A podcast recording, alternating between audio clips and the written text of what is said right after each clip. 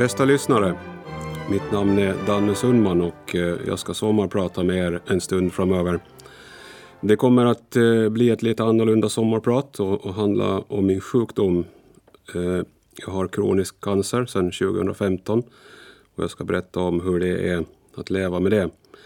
Jag sommarpratade 2014 och rekommenderar den som är intresserad av att höra det att lyssna på det sommarpratet. Det finns på radions hemsida. Då visste jag förstås inte vad som skulle komma året efter. Att eh, leva med cancer och att eh, dö med cancer är vad det innebär eh, ganska svårt att greppa och det är vad jag kommer att prata om. Och det kommer att stundtals vara lite brutalt och jag vill på det viset varna känsliga lyssnare. Jag som lever mitt i allt det här så har förstås kommit långt i min bearbetning av situationen men eh, för dig som hör det här första gången så kan det tyckas brutalt som sagt så, så håll i dig. Jag fick mitt cancerbesked i juni 2015 och har sedan dess behandlats för min sjukdom av och till. Först i Åbo där jag opererades i näshålan där min huvudtumör fanns. En stor operation som tog åtta timmar. Sen fick jag så kallad kemoterapi, Eh, både strålning och cytostatika under sommaren 2015 och till sist en cytostatikabehandling som jag fick här i Mariehamn som var klar i januari 2016. Sen var allt lugnt tills man i juni 2017 upptäcker en metastas på ena revbenet. Alltså cancern hade kommit tillbaka och nya behandlingar startades. Och eh, det är i samband med det här som jag får besked att min cancer är kronisk, alltså obotlig. Och eh, jag, som jag sa det förutom att leva med min cancer, kommer att dö med den förr eller senare. Och eh, det är just den här ovissheten som plågar en när saker och ting ska ske och i, i vilken takt. Det återkommer jag till. Att få besked om att man har cancer är förstås en stor förändring i ens liv och framkallar mycket känslor. Man blir arg och ledsen till en början. Men det finns också faktiskt glädjeämnen, hur det konstigt det än låter. Eh, så blir allting relativt, så att säga. Jag ska spela lite musik under mitt sommarprat som beskriver lite av de här känslorna. Eh, känslor har man ju av en orsak och syftet med känslor är att bearbeta något som har hänt och förändra sig, anpassa sig. Och det hjälper en att eh, avgöra hur man ska förändra sig och anpassa sig. En känsla får man, eh, så måste man eh, känna efter och arbeta bort den eh, och göra rätt saker. Och som jag sa så blir man både arg och ledsen till en början. Och det är saker man inte ska vara det lönar sig inte att vara arg på cancern och inte heller ledsen över det. Då tar det mycket onödig energi som man behöver eh, till att kämpa med, emot eh, cancern. Så att man ska aktivt bearbeta de känslorna. Men samtidigt är det en naturlig reaktion att få dem. Man behöver liksom avreagera sig och sluta vara arg framför allt. Ledsen kommer man att vara från tid till annan när man får olika delbesked. Eh, Får man det beskedet att, man, att det har gått bra och man har blivit frisk så är det förstås eh, över och, då behöver man inte fundera mer på det. Men om man får flera på varandra tråkiga besked så återkommer man till de här känslorna och behöver behålla den här förmågan att, eh, att eh, kunna göra sig kvitt de här känslorna. Vi ska börja med att lyssna på en låt med, med gruppen Metallica som heter Sad But True och det är, handlar just om att vara ledsen och, och arg till viss del och att eh, inse att eh, eh, så här är det nu och vi försöker komma upp ur det och bli glada och inte vara arga utan rikta vår energi på ett annat sätt. Så att här kommer Metallica.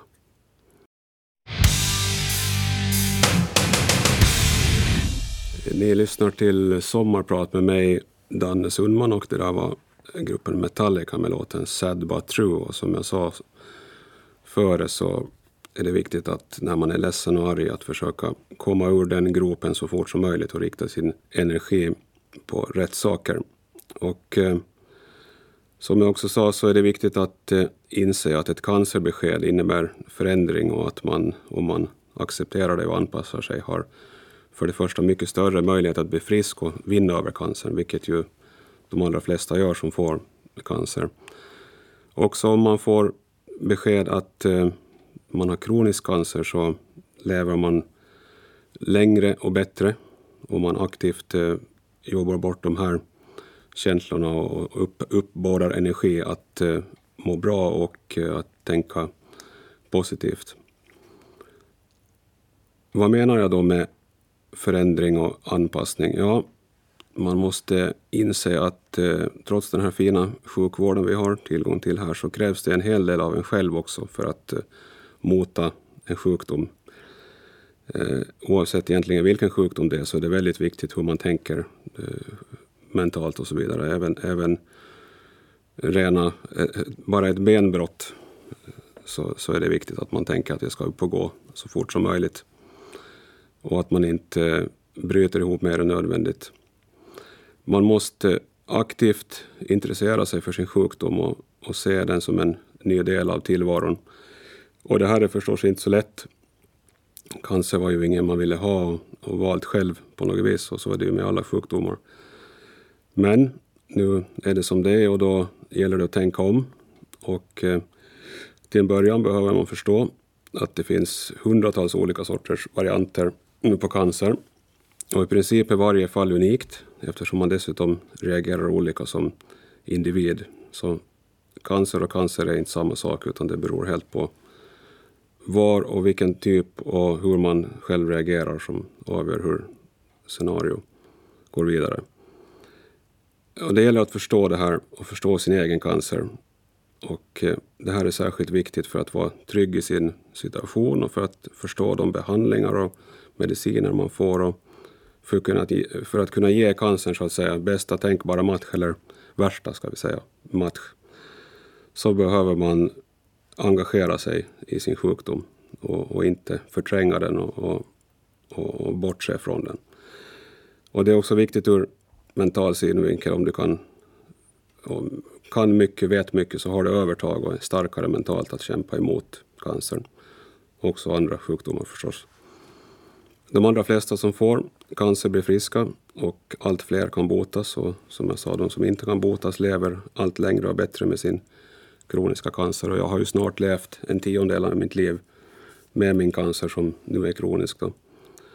Så att det, det jämfört med hur det skulle vara för mig för bara säg tio år sedan så kanske jag inte skulle finnas i livet eftersom eh, man inte skulle kunna behandla mig på samma framgångsrika sätt. Så det är så man måste se det, att var, varje dag är, är, en framgång för, för vården. Och utvecklingen går hela tiden framåt och nya forskningsrön omsätts i praktiken. Nå, vad innebär då det här att, att kämpa på i praktiken? Nå, det är en rad saker skulle jag säga. För det första så ska man vara, tycker jag, öppen med sin sjukdom. Man ska för det första vara ärlig mot sig själv och förstå, Eh, som jag sa, och, och, ta reda på och lära sig om sin egen sjukdom. Sen ska man också, tycker jag, berätta åt andra. Man ska inte hålla det hemligt och upprätthålla någon sorts tabu. Utan man ska berätta helt öppet och ärligt. Och, och det här innebär samtidigt att det blir som en bearbetning eh, av sjukdomen när du berättar åt andra. Det, det kan stundtals vara jobbigt men eh, skulle säga att min erfarenhet är att det, jag har varit väldigt öppen med min sjukdom och det, min erfarenhet är att jag har gett mig mycket. Man får också mycket stöd den vägen. Sen ska man som patient i sjukvården, tycker jag, vara aktiv och det här var jag redan inne på, man tar reda på och lära sig.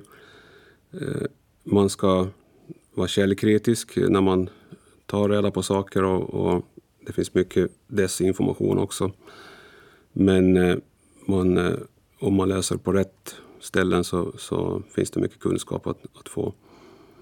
Och eh, när det gäller förhållande till sjukvården så ska man givetvis eh, tro på och ha förtroende för den, men man ska också ifrågasätta och eh, diskutera med, med läkaren och utgående från sin egen kunskap kräva att få veta och så vidare. Och, och det här är ju förstås en balansgång men, men viktigt att Eh, jag tror att, eh, eller jag vet att sjukvården uppskattar engagerade patienter som, som eh, för en aktiv diskussion med, med sjukvården.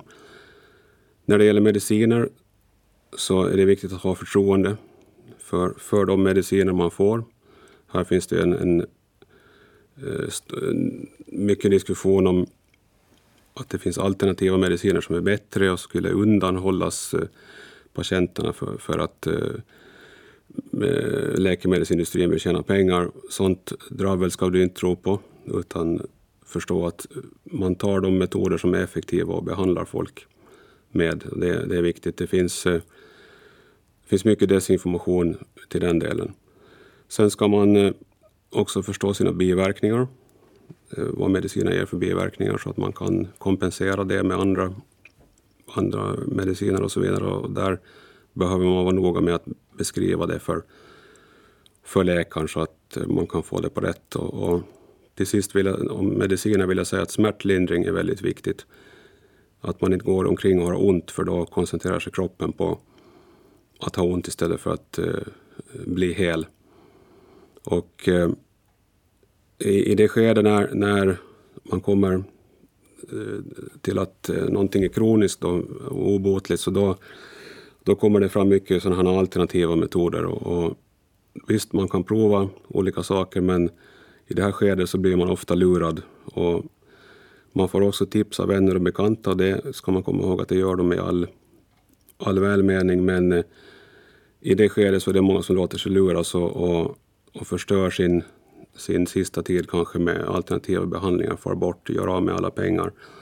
Och så dör de kanske till och med snabbare än vad de skulle ha gjort annars om de, om de skulle istället ha, ha eh, följt eh, vår, vår sjukvårdens råd här så att säga.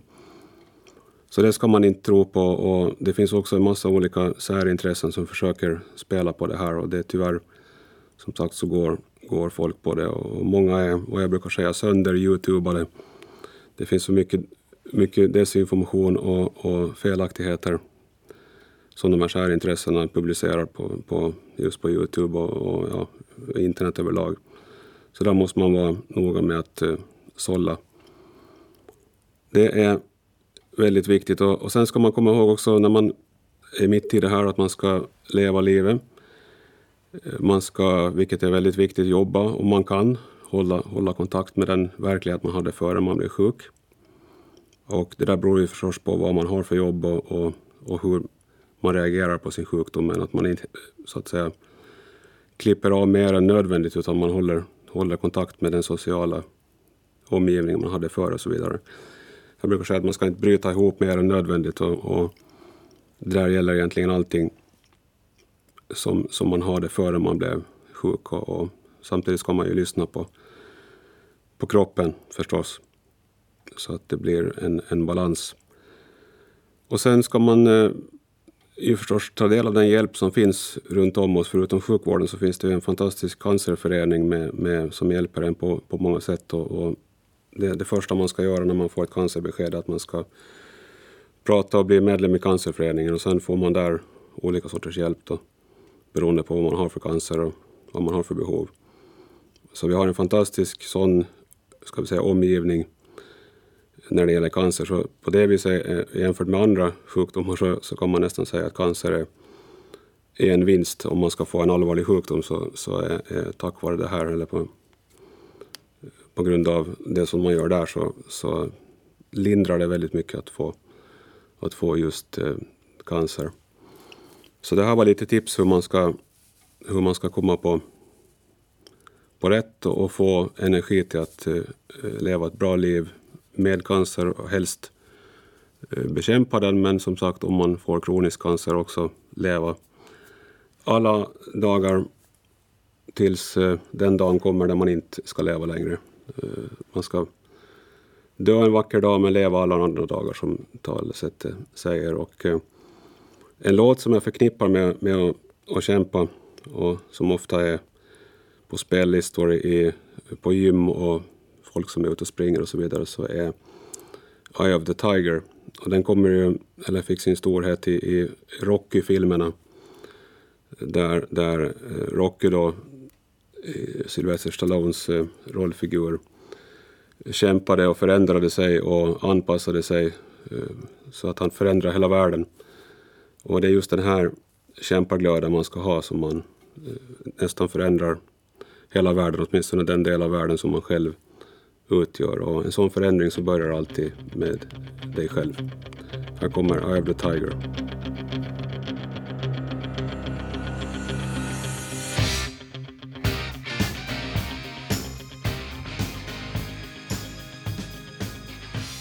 Det var gruppen eh, Survivor med Eye of the Tiger. En, en låt som förknippas med att kämpa. Och eh, du lyssnar på Sommarprat med mig, Danne Sundman, och eh, pratar mycket om hur viktigt det är att kämpa emot eh, när man får en, eh, ett besked att man har cancer. Det är ju så att när man får cancer så är man ju inte ensam.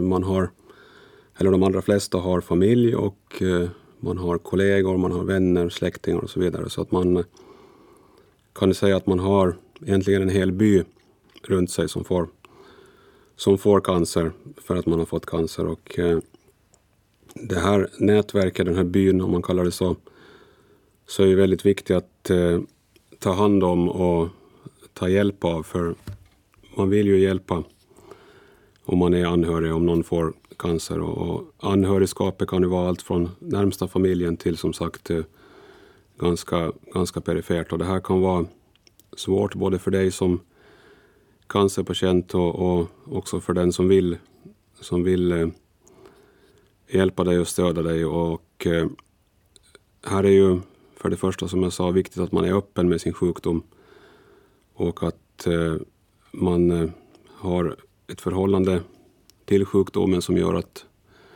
de som är i den här byn också vågar vara, prata om det och, och känner att, att de kan fråga och få veta och så vidare. Så att man har jag skulle säga, mycket enklare att vara och ha sin sjukdom om man är just öppen och, att, eh, och berättar om vad som händer och sker. Och sen som sagt, det kan vara jobbigt stundtals men, men det är värt eh, mödan.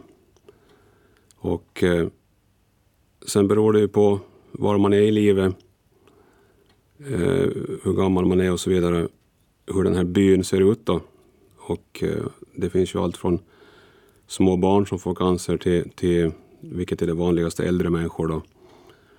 Eh, och eh, då har man ju olika familjesituationer. Om man är, om man är barn så, så är det speciellt och är man, är man, eh, är man på den äldre, äldre sidan så har man ju ofta kanske barn själv och, och barnbarn och, och många storsläkt och så vidare. Och många vänner som man har skaffat sig genom livet.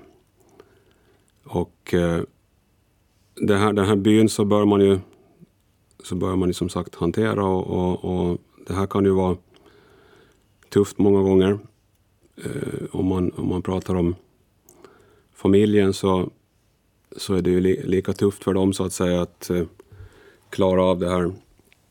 Att eh, man har fått cancer. Man, man eh, eh, förstår det på ett annat sätt själv än vad de gör det. Och, och det är viktigt att inse att, att det drabbar också många andra när man får ett, ett eh, sjukdomsbesked. Eh, det måste man då hantera både, både som anhörig och som patient och, och tillsammans eh, göra, göra rätt saker då för att det ska bli så bra som möjligt och för att man tillsammans ska kunna kämpa emot, eh, emot eh, cancern och hjälpas åt så att säga för mig så, så är det lite speciellt. Jag är ju eh, familjefar. Jag har tre barn som man kan säga är i tioårsåldern. Och, och det är en speciell ålder när, när barnen då, de förstår vad som är på gång. Men eh, det, det, kan samtidigt vara svårt för dem att, att helt ta in det jämfört med vuxna, vuxna människor. Då jag har en fru förstås och jag har syskon och, och många släktingar och vänner. Och, och kollegor som är engagerade. Min, min by är jättestor. Och, och jag har haft mycket hjälp och stöd av, av den här byn, om man säger så, människorna i den. Eh, ändå är det ju speciellt eh, när man får kronisk cancer och, och, och, kanske måste lämna, lämna den här byn att uh, acceptera det. Och, och, det känns ju mycket som en förlust att, eh, att måste lämna både ja, allt från, allt från då de som står mig närmast till alla fantastiska människor man känner. Och, och, det, här blir, det här blir liksom det svåra med, med, med kronisk cancer. Att, att eh, alla de här fina människorna som jag har lärt känna eh, i den här byn, då, om man säger så, så, så, så kommer jag att måste lämna. Och det, det, jag ser det som en, en, en stor förlust eh, på det viset. Och det här är ju tufft att prata om, men allra, allra tuffast är det ju med, med just barnen som man gärna skulle ha sett eh, växa upp och, och de får veta allt som händer i deras liv och så vidare. 10 år framåt och 20 år framåt och 30 år framåt när man kanske sen får, ska ha fått barnbarn och så vidare. Och det här, är, det här är, är, är det kanske allra värsta och svåraste att hantera under, under den här sjukdomstiden och, och det är tufft att, att vara stark inför de här, när man konfronteras med de här känslorna. Men eh, samtidigt så är det, så är det jätteviktigt att eh, ta vara på den tid man har och eh, göra, göra rätt saker. Och, och också för min del så brukar jag säga att jag har levt mitt liv varje, varje sekund och, och jag har på det viset inte någonting som som jag känner att jag har ogjort och sådär utan, utan tvärtom så har jag fått till stånd mycket på de här dryga 40 åren som jag har levt och, och, och nu har jag levt eh, snart en tiondel av, dem, av den tiden med, med cancer. Och under den tiden har jag också gjort många fina saker och, och, det tänker jag fortsätta med så länge jag kan. Och det, det är också en del i, i den här processen att eh, vara kvar i det liv man hade så mycket det går och inte liksom avskaffa saker och ting fortare än nödvändigt.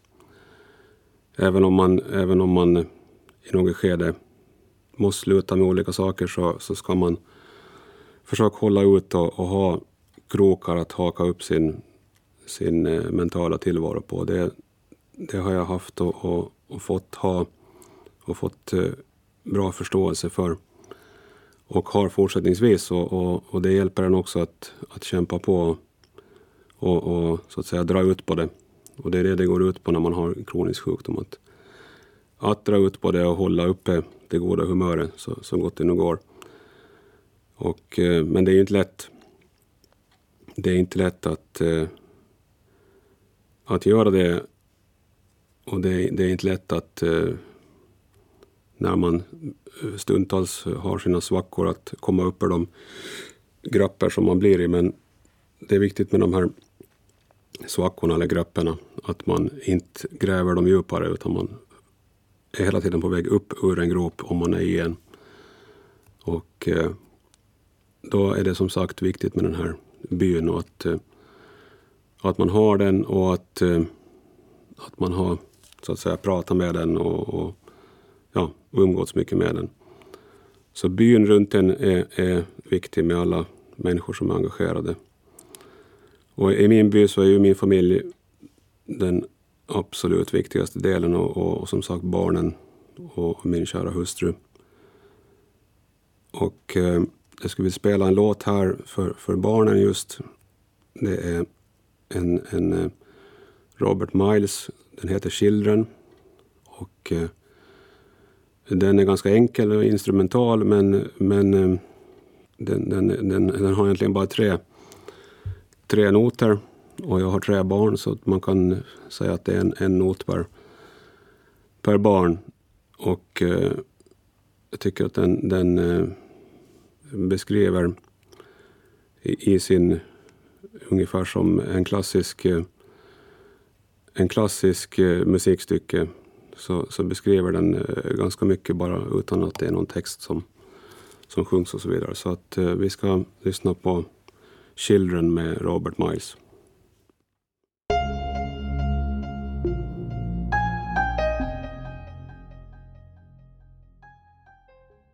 Det var låten Children med Robert Miles, en instrumental låt som ändå beskriver, tycker jag, barn och särskilt mina tre barn väldigt bra. Du lyssnar till Sommarprat med Danne Sundman och eh, jag pratar om min sjukdom, kronisk cancer som jag har haft sedan 2015 och, och alltså över tre års tid. Och eh, kronisk betyder att en vacker dag så, så kommer sjukdomen att eh, göra att jag inte finns här eh, längre. Jag kommer, att, jag kommer att dö av min, av min sjukdom och det här som sagt är, är vilket jag sa i början, väldigt brutalt men eh, någonting som man måste acceptera och leva efter alla dagar, förutom just den dagen då, där man inte längre lever. Och det här med döden så är ju väldigt speciellt. Eh, den är inte så närvarande egentligen i våra liv nu för tiden som den var förr. Förr var det vanligare att man fick se att folk dog hemma. Gamla människor låg på kammaren och, och så dog de. Och barn fick se hur det gick till när man, när man dog.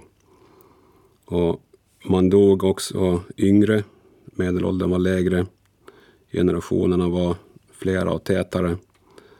Och eh, döden var som sagt mer, mer närvarande. Nu är, den, nu är det någonting som givetvis eh, man får vara med om.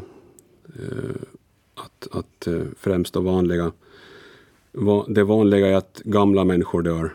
Men man får också vara med om att, att eh, människor som borde ha fått leva, leva dör i olyckor och, sjukdom och så vidare. Och eh, det här är speciellt förstås för den som ska, som ska dö, men också för den eh, som är i den här byn som jag pratade om tidigare, vars eh, vän, kollega, familjemedlem eller någonting då är, är så att säga på väg att, att, eh, att dö. Och då vet man ju om det långt på förhand jämfört med om man dör i en trafikolycka eller, eller någonting annat eh, abrupt där man inte visste om att det här skulle ske. Och, och det där har både för och nackdelar. Det, det, det är alltid förknippat med stor sorg när, när någon går bort. Och är det så att man vet om det på förhand så kan man ju bearbeta det och, och man hinner så att säga prata och umgås och, och ja, vara med den personen och förhålla sig till att den inte ska finnas i, i all evighet. Kommer att, eh, så att säga, ja, kommer att dö. Jämfört med om någonting sker snabbt, en, en sjukdomsattack eller en, en olycka, där man då inte får svar på någonting, utan man rycks bort på en sekund. Eh, det är klart att det, då realiseras all all sorg och allt elände eh, med en gång och så har man en stor brist i det att man inte fick så att säga förbereda sig. Så att om man nu ska måste dö så finns det faktiskt fördelar med, med olika sätt att, att dö. Och det, här, det här är nu väldigt brutalt men det är sånt här man funderar på när man, när man står inför en sån här situation. Och eh, eh, man ska komma ihåg då, som jag har sagt flera gånger här, att eh, fram till den dagen så ska man komma ihåg att leva och inte tänka på döden. Men samtidigt eh, förstå att den kommer att komma. Och, och det här, det här är, är, både svårt för en själv och för, och för folk i byn så att säga. Ens familj och, och ens släkt och vänner och kollegor och så vidare. Men eh, det fanns en, en präst i Finström som, som sa att döden är inte värsta. Och med det så menar han att eh, det kan finnas mycket annat som det som blir kvar så att säga, så kan vara mycket svårare att hantera. Och det, så kan det vara med, med det, egentligen är det ganska enkelt för just den personen som dör, som ju givetvis kan känna det som en stor förlust att inte få leva. Eh, men det finns också mycket kvar eh, mycket kvar som, som eh, är mycket värre så att säga än, än, än just döden. Och det här är, är någonting som man funderar på när man står inför en sån, sån situation som, som eh, jag eh, står inför. Och vi ska, tycker jag, hylla livet först med en låt här, så ska vi fortsätta fundera på det här. Eh, en, en eh, artist som jag brukar säga inte kan sjunga, men som har bra låtar ändå, så är E-Type. Och han har en, en låt som heter Life.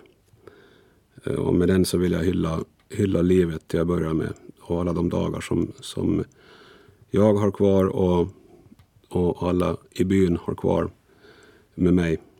Här kommer E-Type med låten Life.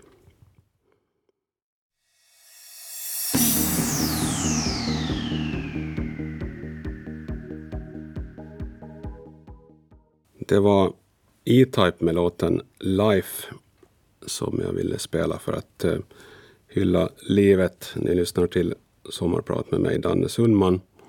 Jag pratar om min sjukdom och vi har färdats från att eh, jag har berättat när jag fick beskedet 2015 till att prata om, om eh, döden som kommer givetvis för oss alla.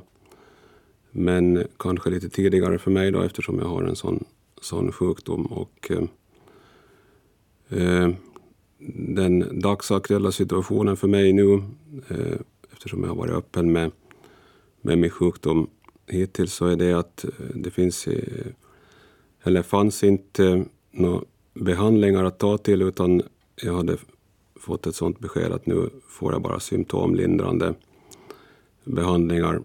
Och man vet inte vad som händer härnäst. Jag har skelettmetastaser, alltså cancern har spridit sig i skelettet. Och det innebär att eh, så länge den är inne i skelettet så, så händer det inte så mycket. Men om, om, om eh, den kommer ut och drabbar andra organ så, så eh, kan det bli kritiskt och, och till sist så, så klarar inte kroppen av, av den här situationen. Och det blev kritiskt här i, i maj-juni när en av de här metastaserna som jag hade i en ryggkota växte ut och Eh, växte in i ryggmärgskanalen där alla, alla kablar finns, nerv, nervbunten som går runt i, i kroppen. Och då blev det eh, snabba ryck till Åbo och strålas i, i, i, på strålkliniken i, i Åbo eh, och UCS. Och, eh, då strålar man på två av de här tumörerna som jag har. Då, och I syfte då att, eh, att ha ihjäl dem. Och det, det lyckades bra. Jag fick eh, tio stråldoser. Eh, det tar bara några minuter, ungefär en halvtimme totalt, en sån här behandling och den gör inte ont heller på något vis. Man har inte heller några större biverkningar av den och det gjorde att man då så att säga fick bort just det, det problemet eh, som, som det skulle ha utgjort om den här metastasen skulle ha växt vidare. Eh, och samtidigt så strålar man på ett annat ställe eh, som kan, skulle kunna ha utvecklats på samma sätt. Och eh, så, här kan det, så här kan det vara då när man lever med kronisk cancer att man vet inte vad som sker härnäst och man måste vara väldigt uppmärksam på att, att kroppens signaler och säga till och, och eh, få just sån här strålbehandling som jag kanske också kan, kan komma att få flera stycken för att eh, köpa tid och så att säga mota, mota cancern. Och eh, just nu så fungerar det så att jag träffar doktorn en gång i månaden och, och vi kör på med, med smärtlindring har jag inte några nya, nya symptom så, så är det tack och hej och, och en ny tid om en månad.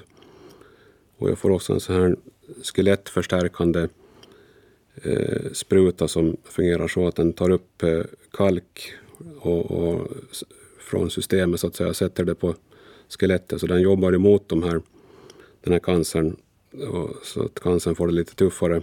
Den, den stärker skelettet och den, det gör också att att eh, potentiella benbrott som jag kan få då, om, om cancern har ätit upp benet så att säga, så, så motverkas. Så, så jag, jag, inte, jag har inte haft några sådana såna problem. Och eh, eh, som ett led i min, i min eh, behandling så, så har, jag en väldigt ovanlig cancer. Den är, den är lika ovanlig, så brukar jag säga, som Formel 1-bilar i bilparken. Det finns bara några få sådana här fall. Så med anledning av det, så när, när vi hamnade i det här skedet när cancern var kronisk, så, eh, så valde jag att eh, göra så att vi, vi skickar brev runt om till flera ställen där man forskar kring cancer och frågar finns det något forskningsprojekt kring den här typen av cancer som vi kan haka på. Och, och, i så fall så finns det en patient här som är beredd att, att upplåta sig. Och ur det så kom det eh, svar från Åbo att man har tittat, man har tittat på nytt på, på min cancer då, och, och kommit på att den, den liknar också på en annan väldigt ovanlig sorts cancer. Och, och eh, till den då så finns det ytterligare en behandling som man kan ge. Och den behandlingen ska jag nu ta då. Och eh, förhoppningsvis så fungerar den och, och köper, köper lite tid då. Så att, eh, att man kan så att säga dra ut på det ytterligare. Så det är väl, det är väl positivt. En positiv nyhet i, i, i eländet så att säga. Eh, I övrigt så, så, så har jag haft svårt med den här värmen värmen som har varit. Där, där ser man tydligt när man är i det hur, hur, hur illa det är för de som är värmekänsliga när det verkligen blir varmt. Det har ju varit svårt för vanligt folk om man säger så eh, med den här värmen. Men särskilt för mig då som är, som eh, är värme, värmekänslig eh, på grund av mina, de mediciner jag har fått och så vidare och sjukdomen jag har. Då. Eh, annars så, så, eftersom jag får väldigt bra smärtlindring så lider jag inte så mycket av sjukdomen. Förutom att jag varit trött nu på grund av värmen. Då. Och det där är ju viktigt tycker jag att, att påpeka att man kan, fast man är väldigt sjuk så, så behöver man inte ha så stora symptom av det, bara man så att säga tar åt sig av, av den den vård man, man erbjuds. Och den här verkligheten har ju många, många cancerpatienter och del, delar den med mig så att säga i, i att man, man har ett någorlunda normalt liv fast man har en väldigt allvarlig sjukdom och, och, och, och är på väg dit man är på väg. Och eh, ja, så det kan man säga är en liten, liten uppdatering till de som har, har följt mig och, och min sjukdom. Jag kommer, jag kommer också att skriva på Facebook fortsättningsvis. Det har inte hänt så mycket sedan jag skrev senast eh, om, om min sjukdom. Det här, det här är då en, en nyhet som jag fick eh, här i förra veckan, att jag ska få den här behandlingen. Annars så var jag inne på det här med, med, med livet och eh, det tycker jag är viktigt när man, när, man, eh, när man kämpar på att man ska tänka tillbaka på alla alla positiva saker man har varit med om. Och det här är lite som, lite som i Djungelboken, att man ska vara nöjd med allt som livet ger och allt som man omkring sig ser. Och jag tycker att, eh, som jag sa här tidigare, så, så har livet gett mig otroligt mycket. Och, och jag har levat jag har lev, levat mycket på, på de här dryga 40 år som jag, eh, som jag har vandrat på jorden. Och eh, jag, jag, känner inte att, eh, att jag egentligen har gjort eh, fel på det viset. Eh, fel livsval och sådär. Det, det kan man alltid fundera på om man borde ha varit någonting annat, gjort någonting annat. Eh, Riktat sin energi någon annanstans. Men, men jag tycker att, att jag har fått ut mycket av, av mitt liv. Och, och eh, jag har ju varit väldigt engagerad i, i i det samhälle som jag bor i och, och eh, genom mitt politiska engagemang och, och, mitt föreningsengagemang och så vidare. Jag tycker att eh, alla de här människorna jag fått träffa, dels den här som jag tidigare här i sommar pratade kallar för byn då, men också hela, hela den, den, det åländska samhället och alla, alla fina människor som, och, och alla evenemang och allt jag fått vara med om så, så är otroligt mycket värt. Och, och, och eh, det här är ju delat med, med många, eh, med många eh, människor under, under mina levnadsår och, och fått känna mycket, känna många människor. Och känner fortfarande många människor, många känner mig och så vidare. Och det, det här Eh, är, är någonting som ger mig energi och som jag tänker på för att orka med också och kämpa emot eh, cancern. Och där, där har ju alla förstås olika situationer men, men man ska se det positiva med, med, med allting och eh, försöka bortse från det negativa och lämna det bakom sig. Man, annars får man ett stort dynglass som man släpar på. Och eh, en, en, eh, en person förstås som är speciell för mig så är min fru som jag har varit gift med i tio år och också varit ihop med dubbla tiden sen, sen, sen eh, förra seklet. Och eh, hon har ju då varit vid min sida med, i, i, många, många bra stunder men också i, i svåra stunder när jag har haft... Eh, jag som offentlig person har haft mycket, mycket elände så att säga. Och, och olyckor och så vidare. Och då, då har hon fått, eh, fått stå vid min sida. Men också som sagt till alla, dela all, alla, all glädje och alla, alla fina stunder som vi, som vi har haft tillsammans. Och eh, det blir förstås speciellt tungt att, att eh, prata om det här. Men, men eh, det är så att, att eh, det, svå det svåraste med att lämna av och stiga av det här tåget så, så blir just att skiljas från att skiljas från sin hustru som man är gift med och har som är ens barn. Och det här är tufft att prata om men eh, men det är någonting som kommer att måste ske. Och eh, det är som man säger när man gifter sig att eh, det är tills döden skiljer oss åt. Och eh, tyvärr så, så kommer det att bli så en dag. Och jag vill spela en låt för, för min fru Ann med Brian Adams som kommer här.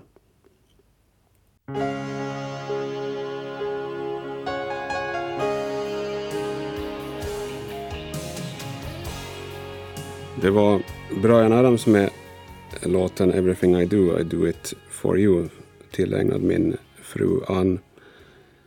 Och eh, det är lite tufft som sagt att prata om vissa saker men, men eh, och, och, jag kan också tro att det är tufft att lyssna. Och särskilt om man konfronteras första gången med allt det här eländet så, så kan det vara tufft att, att eh, ta in.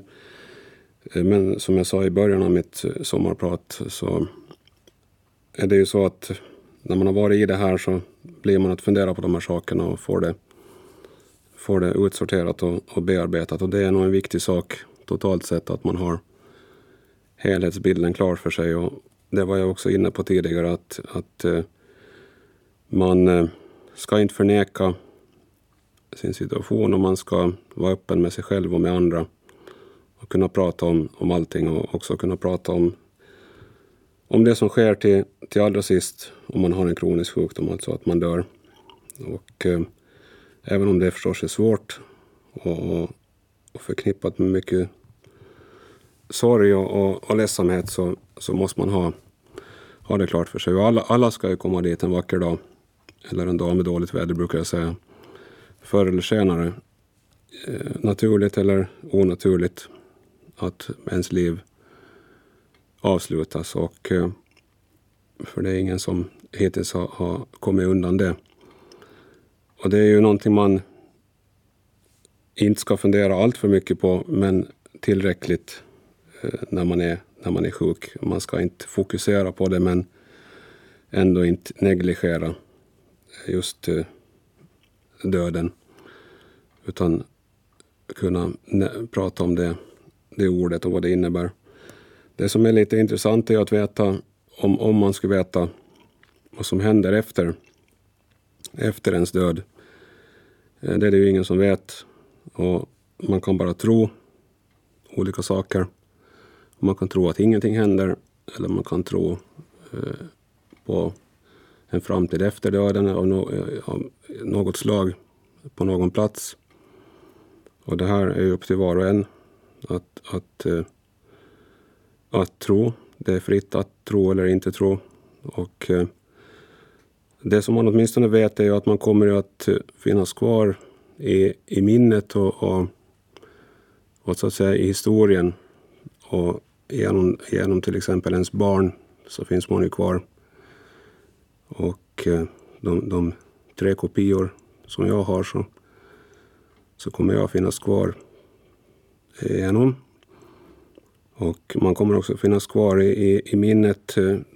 Man, nu för tiden är man ju väldigt väl dokumenterad på sociala medier, på internet, på, med fotografier och, och så vidare. Och jag som har varit en offentlig person så, så har jag haft namnet i tidningen tusentals gånger och när jag har gjort, gjort och sagt saker och så vidare. Så att det där blir som ett universum där man finns kvar eh, länge efter ens bortgång.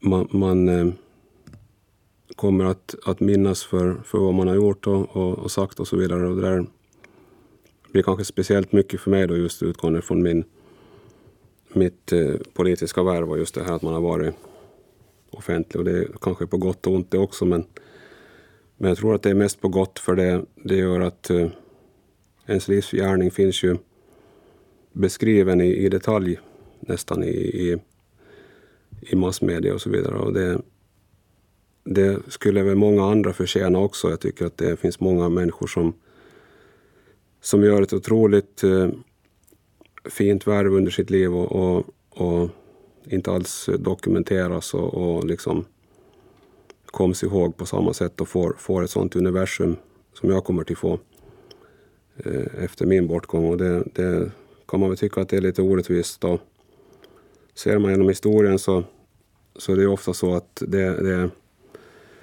det är just makten och maktens män som har dokumenterats medan eh, kvinnor och, och de som har stått för det vardagliga livet inte har dokumenterat så mycket. Eh, här funderar man också på när man står inför, inför de här eh, definitiva skedena i, i utvecklingen av en kronisk sjukdom. Och som ni hör så fast det är i sig negativt att, att uh, inte få leva. Så det finns också saker man kan ta fram för att eh, se det positiva i alla situationer. Och, och, så, måste man, så måste man göra oavsett hur, hur hemskt det är så, så måste man försöka se vad, vad, är det, vad är det positiva med det här och, och, och vad, vad ska jag fokusera på. Och det hjälper en också att att leva vidare och, och skaffa den energin man behöver för att, för att kämpa varje dag. Och det gäller ju egentligen alla, alla friska människor också på samma sätt. Och, och skulle, man, skulle man bara kunna ta den här all erfarenhet som jag har fått av att vara sjuk och ha det här över mig som jag har så, och ge den till, till fullt friska människor så tror jag att det skulle vara eh, väldigt nyttigt för många att förstå att, att uh, man kanske fokuserar på fel saker och, och bekymrar sig för fel saker och riktar sin energi mot fel saker jämfört med om man har haft en sån här eh, tillvaro, så att säga, där, där, där man ser på ett annat sätt vad som är, vad som är viktigt. Och, och, så att egentligen borde man få börja sitt liv med att vara utsatt för det här. Och det är man ju egentligen. Alla, alla är ju egentligen utsatta för det som jag sa, så kommer det den dagen för, för alla någon gång att man ska dö. Och det borde man, den, den, hur ska man säga, rikedom som det ger, så borde alla få kunna ha. Och då tror jag att världen skulle se lite annorlunda ut om man, om man hade det här klart för sig i ett tidigt, ett tidigt skede.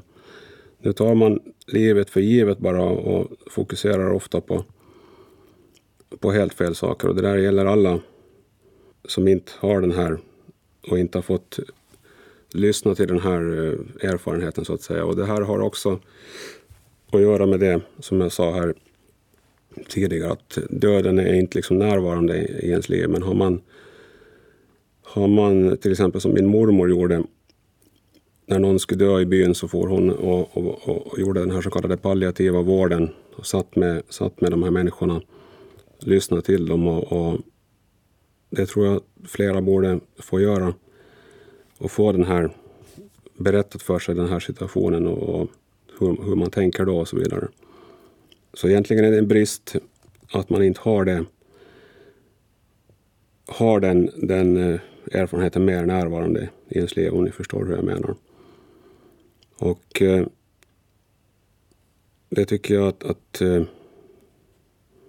man kan ta som en, som en, en, eh, en sista hälsning att eh, tänk på att eh, fokusera på, på rätt saker och, och, som jag alltid brukar säga också att man ska komma ihåg att eh, leva så att man fyller tiden med liv och inte bara livet med tid. Eh, och det blir särskilt tydligt när man har när ens dagar är, är räknade. Återigen, allas dagar är räknade så det gäller att ha det här tänket mer eller mindre ändå. Fast man inte har det här över sig. Men som sagt, eh, jag har försökt eh, berätta lite hur det är att ha en kronisk sjukdom och eh, hoppas att jag kunnat förmedla en liten, en liten bild av, av den situation jag befinner mig i. Det är inte så att jag kastar in någon handduk frivilligt utan jag kommer troligen att, att finnas kvar i nu Eh, rätt så länge. Det, det beror som sagt på vad som händer och sker med, med min cancer och, och hur de här behandlingarna som jag ska få nu fungerar och så vidare. Men jag ger mig absolut inte på något vis frivilligt så att uh, jag kommer att kämpa på. Och ni som träffar mig och, och möter mig så får givetvis fråga hur det är och prata om det här och, och, och höra av er också om, om det här sommarpratet och så vidare. Så att uh, jag hoppas att ni har haft, eh, trots att det har varit lite brutalt och ledsamt, eh, utbyte av, av det här av den här beskrivningen av min situation och eh, vi ska återkoppla till vad som händer sen och vad man tror på. Så finns det en, en låt tycker jag som beskriver bra och det är den här också instrumental, The Lonely. Shepard som i vars eh, toner man kan läsa in eh, mycket om hur det kommer att bli efter att man inte finns längre på jorden. Hur universum kommer att arta sig för en själv och för de som är kvar efter den. Så vi ska lyssna till slut till The Lonely Shepard. Tack för mig.